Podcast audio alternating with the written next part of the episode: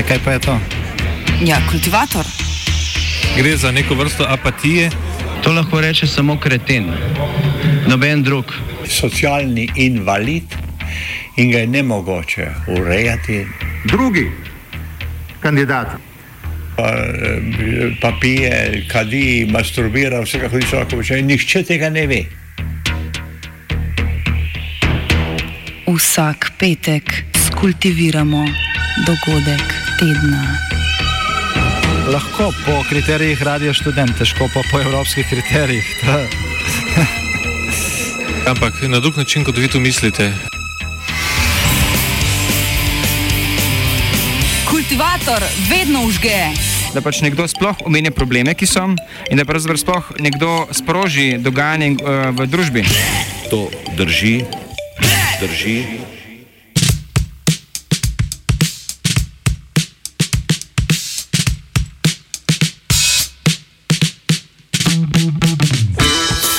Primežu napačnih odločitev. Turčija se sooča z novo gospodarsko krizo, ki jo ni povzročil zgolj COVID-19. Že približno deset tednov turška valuta pospešeno izgublja vrednost v primerjavi z drugimi svetovnimi valutami. Sredi pospešenega padca turške lire je predsednik Recep Tayyip Erdogan v nedeljo razrešil guvernerja centralne banke Murata Uysala. Nadomestil ga je nekdanji finančni minister Naci Abal, ki je bil do sedaj na čelu Agencije za proračunske strategije. Hkrati je z mesta finančnega ministra v ponedeljek odstopil Berat Al-Bajrak, zet predsednika Erdogana.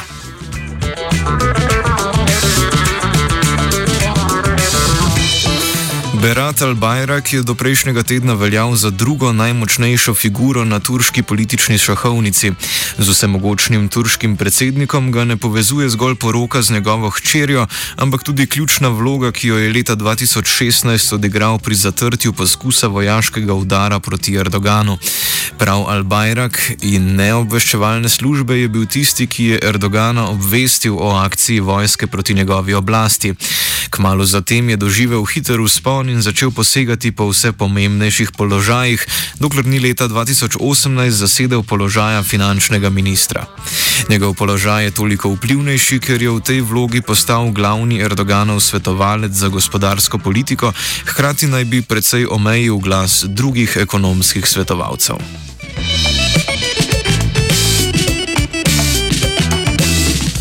Istočasno, ko je Al-Bajrak prevzel vodenje finančnega ministrstva leta 2018, se je Turčija prvič po skoraj desetih letih srečala z resnejšo gospodarsko krizo. Če je bila kriza leta 2009 globalen dogodek in je Turčijo zajel isti ekonomski pretres kot vse preostali svet, pa je bila kriza pred dvema letoma v veliko večji meri posledica ekonomske politike turške vlade in Erdogana osebno, hkrati pa je spominjala na gospodarske težave z konca 90-ih ki so spodkopale kredibilnost politične elite pred Erdoganom. Odzive turškega predsednika na to krizo povzame Anže Burger z Fakultete za družbene vede Univerze v Ljubljani. Um, ampak po njej ne, v, v zadnjem letu in pol pa še vedno nadaljuje z v bistvu zelo netradicionalno ekonomsko politiko, kjer ima fiksno idejo, ne, da obrestne mere morajo biti nizke, zato ker uh, visoke obrestne mere naj bi uh, povzročale inflacijo, ne vemo pa v ekonomski stroki, da je ravno obratno. Ne. Če ima velik problem z inflacijo, ravno zaradi tega, ker ima preniske obrestne uh, mere, ne ima eno najnižjih obrestnih mer, glede držav, so podobno razvite. Ne. In, um, ampak jaz mislim, da se pač ta ekonomska politika počasi izpeva, ne, namreč. Um, Kot pove ekonomist Urban Sušnik, so bile takšni politiki, ki predpostavlja odvisnost od tujega kapitala, naklonjene tudi razmere v svetovni ekonomiji. Celo obdobje po uh, veliki krizi 2008-2009 je monetarna politika na Zahodu bila takšna, da so pač obrestne mere uh, bile neizmerno nizke. Ne? Uh, uh, kapital je iskal donose v tretjem svetu in ogromno držav oziroma ne držav, ampak gospodarskih subjektov v, v teh državah tretjega sveta ali pa emerging market economies ali kako koli. No, pač, uh, se je zadolževalo v dolarjih. Ne. Takrat se je zdelo, pač, da, da, da, je, da je da Kitajska, Turčija, Rusija, Brazilija, da so te države čisto odporne, pač kriznim pogojem so potapljali recimo a, Evropo. Turčija je imela leta 2009 v obdobju okrevanja po posledicah svetovne gospodarske krize velik primankljaj. Njeno odvisnost od svetovnih trgov pojasnjuje Anže Burger. Prejšnjo obdobje, ne, na, na začetku je, bilo, je bila situacija Turčije takšna, da je bila zelo odvisna od um, tujih investicij in tujega kapitala. Namreč od že vrsto let, ne, od, od, recimo od leta 2010 naprej, ne, je vse čas imela precej velik um, primankljaj na tekočem računu plačilne bilance, ne, ki ga je morala na nek način financirati na kapitalskem računu, ne, torej bodi si z velikimi pritoki tujih neposrednih investicij, bodi si pač s portfeljskimi um, investicijami na njihove borze ali pa pač uh, z zadolževanjem uh, njihovih bank in pa podjetij v, v tujini. Um, zdaj, seveda, zaradi tega uh, režima, zaradi te odvisnosti je uh, Erdogan torej pač skušal ohranjati dobre odnose z trgovinskimi in investitorskimi partnericami uh, do trenutka, ne, ko so pač, um, po mojem mnenju, prevladale njegove um, strateške, um, strateški interesi. Um, in je potem hotel preiti na neko ekonomsko politiko, v kateri bi bila Turčija bolj neodvisna od ostalih držav.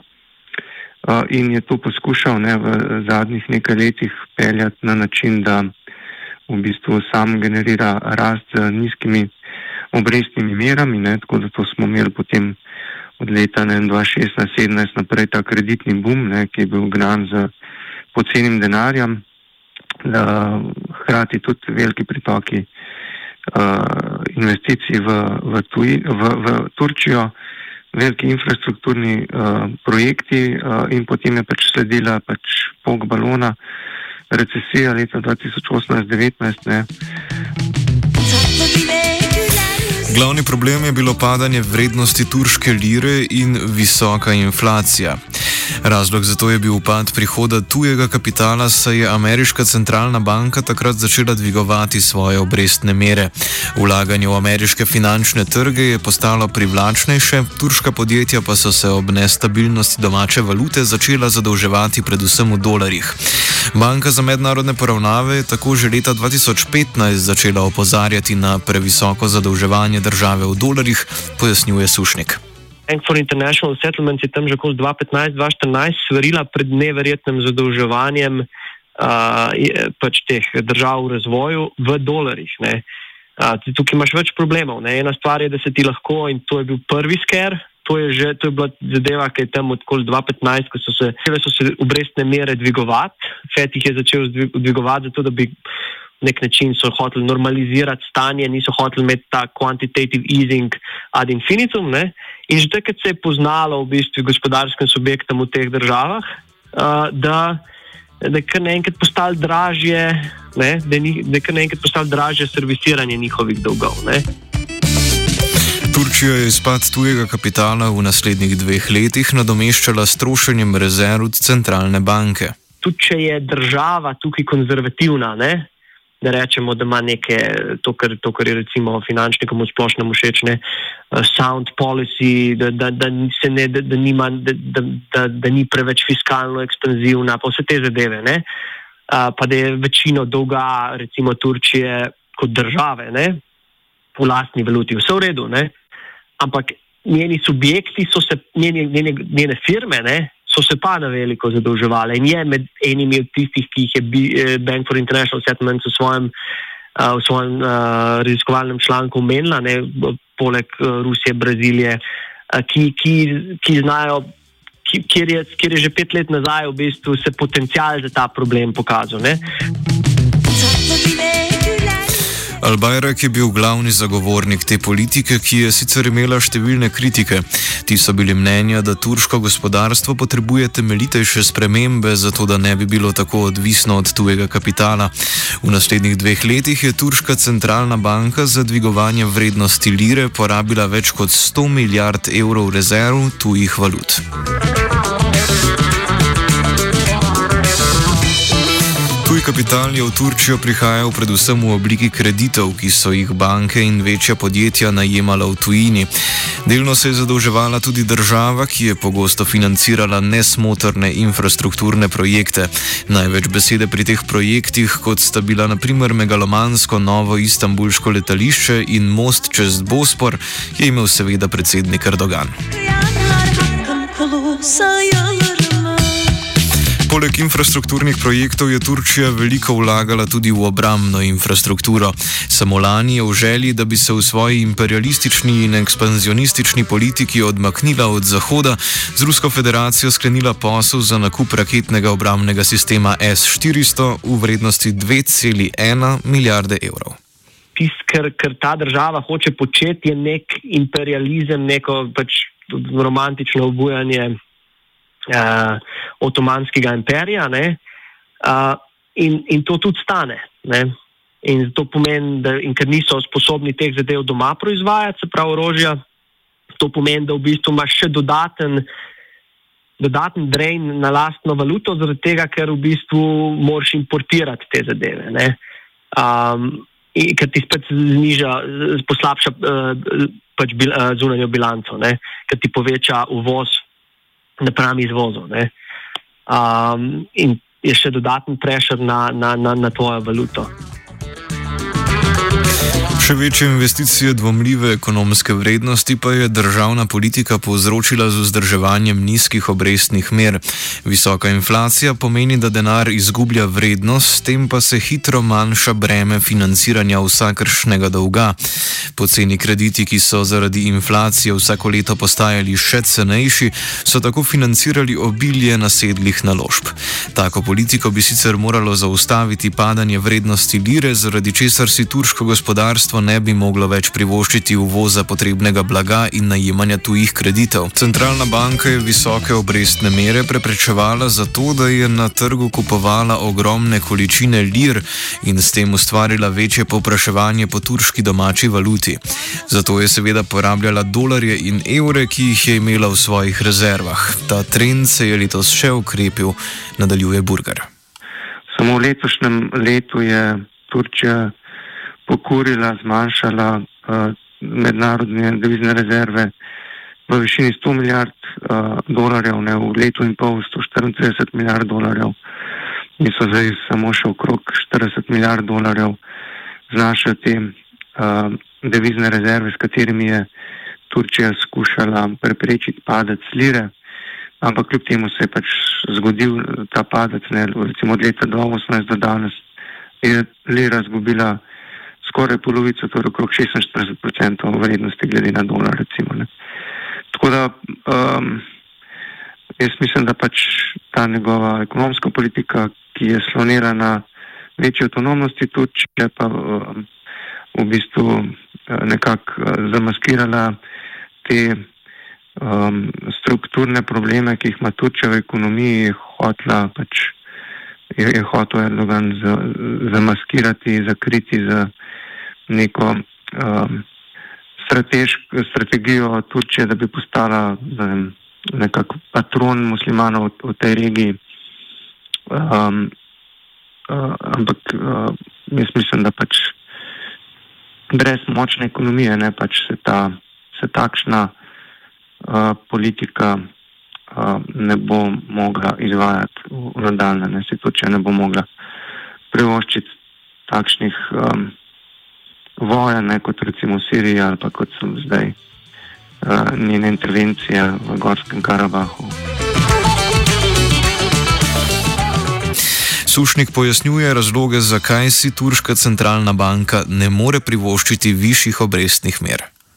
Zdaj, iz drugega vidika, zakaj centralna banka ne more, tudi če bi to rečemo, da ne bi bilo z zviševanjem obrestnih mer nobenih problemov in da bi enostavno, da bi na vsak način potrošnik profitiral. V redu, Sam po drugi strani pa potrošnik tudi najbrž delavc, ki je nekje zaposlen in previsoke obrestne mere bojo pa znižale potencijalne investicije. Uh, bojo pa mogoče pri, privedle do tega, da zadolžena podjetja ne, bogle, ne bodo mogla servisirati svojega dolga in da bo prišlo še do dodatnih odpuščanj.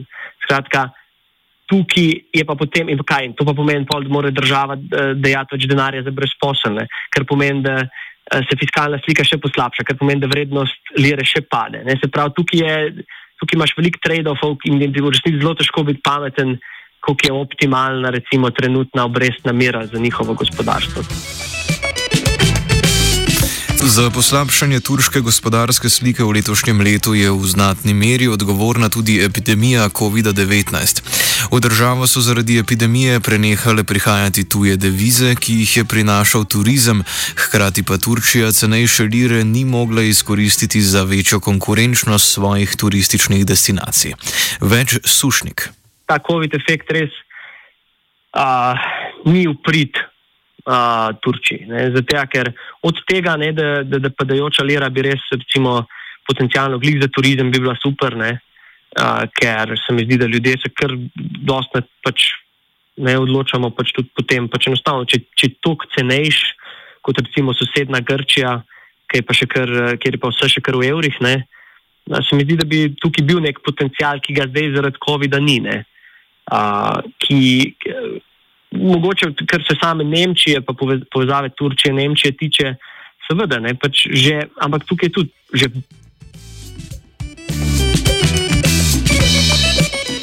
Turški finančni analitik Taha Arvas povdarja, da ima vpliv na reševanje turške valute domača potrošnja.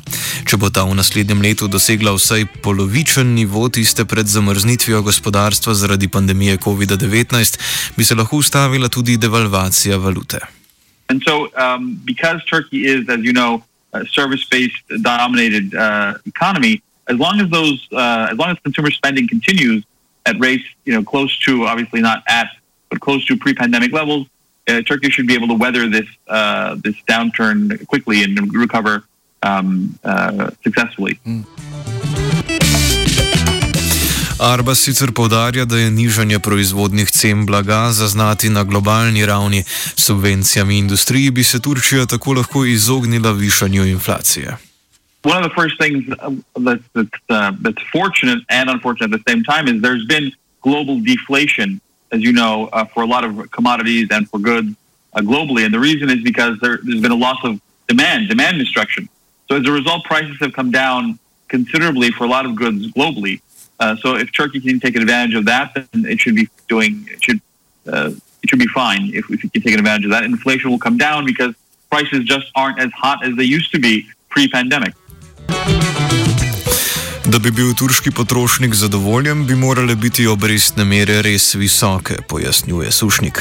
Problem je, da bi obrestne mere najbrž mogle biti res zelo visoke, da bi, recimo, da bi se potrošnik počutil, pa še to tisti potrošnik, ki ni zadolžen. Ne? Da, da, bi se, da bi se nezadolžen potrošnik počutil kot recimo dosti samozavestno, da bi zaradi tega več trošil in da bi imel tukaj nek pozitiven učinek na gospodarstvo. Ne?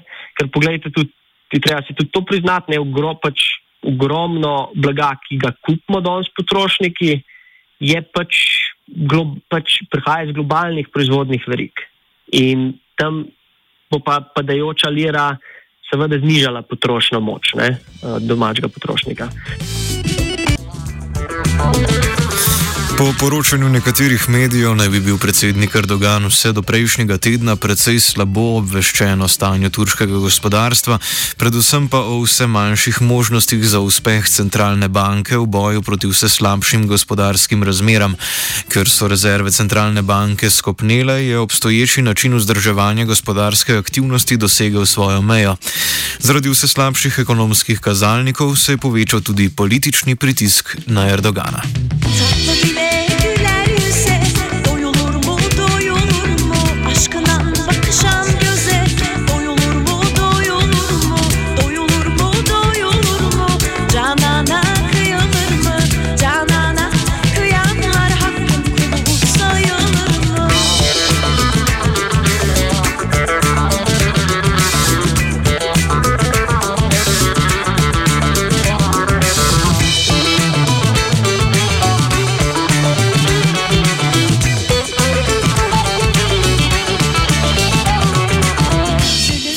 Preobrat se je zgodil prejšnji vikend, ko je Erdogan po razgovorih o ekonomski politiki, ki so potekali stran od oči javnosti, nepričakovano odstavil guvernerja centralne banke Murata Uisala in ga nadomestil z nacijem Abalo. Ta je bil finančni minister med letoma 2015 in 2018, na tem položaju pa ga je zamenjal prav Berat Al-Bajrak. Abal je bil v zadnjem času oster kritik vladnih gospodarskih politik, tako na monetarnem področju, ki je v pristojnosti centralne banke, kot tudi na finančnem področju, ki ga vodi finančno ministrstvo. Njegovo imenovanje je bilo jasen signal, da se je Erdogan odločil zamenjati ploščo.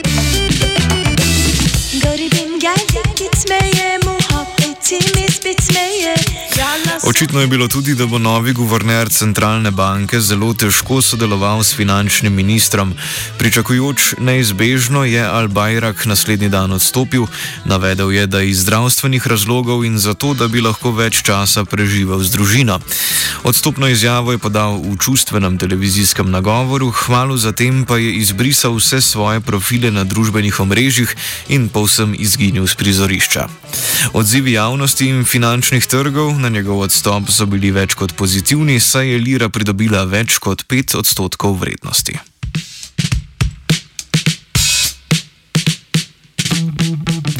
Albajrekov naslednik Lufti Elvan velja za tehnokrata, ki je zrasel v času Erdoganovega vladanja Turčiji.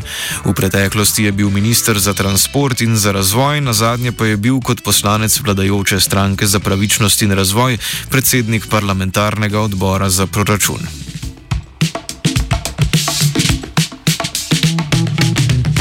Erdogan pa ni zamenjal zgolj najvišjih uradnikov, ampak je spremenil tudi lastno retoriko. V tem tednu je večkrat povdaril, da bo poskrbel, da bo Turčija privlačna za finančne trge. V sredo je poslancem obljubil, da si bo ponovno pridobil zaupanje tujih investitorjev, a kot povdarja sušnik, turških težav ne more rešiti zgolj marketinška kampanja. Oni bi rabili rast, zdravo rast, zato da lahko servisirajo svoje dolgove v dolarjih. Uh, to, to bo stvar, ki jim bo, ki bo, jim bo konstantno visela nad glavo, uh, ki se jo ne bojo znebili. In jaz pač v resnici mislim, da seveda pač problem je, da in izvoza bo manj zaradi tega, ker bo manj popraševanja iz celega sveta in turizem bo problematičen. Sprav, vsi trendi, ki se zdaj dogajajo, ali se bojo pohitrili, nikakor pa ne bojo. Ne vidim lepega načina, da bi se, da bi se, da bi se kar naenkrat obrnili.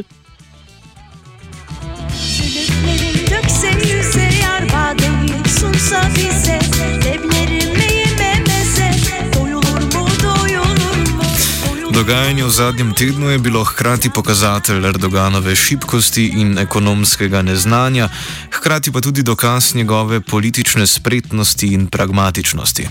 V prvem delu svoje skoraj 20 leti trajajoče dominacije v turškem političnem prostoru se je Erdogan predstavil kot prozahodni modernizator, ki je v Turčijo popeljal neoliberalne reforme.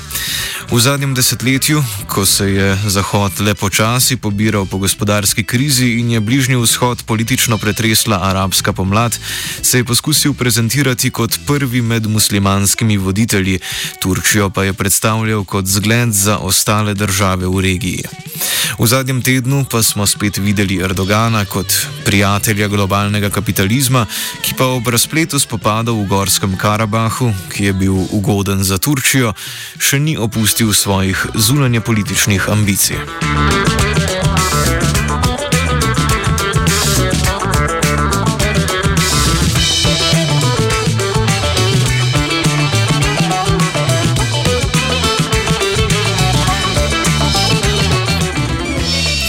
Kultivator sta pripravila Gal in Dugi.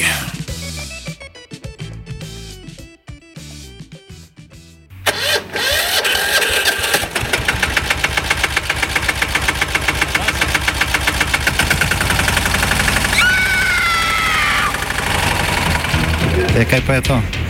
Ja, kultivator. Gre za neko vrsto apatije. To lahko reče samo kreten, noben drug. Socialni invalid in ga je ne mogoče urejati. Drugi kandidat pa, eh, pa pije, kadi, masturbira, vse kako je človek počne. Nihče tega ne ve. Vsak petek skultiviramo dogodek tedna. Lahko po kriterijih radio študent, težko pa po evropskih kriterijih. Ampak na drug način, kot vi to mislite. Kultivator vedno užge. Da pač nekdo sploh omenja probleme, ki so, in da pravzaprav sploh nekdo sproži dogajanje uh, v družbi. To drži, drži,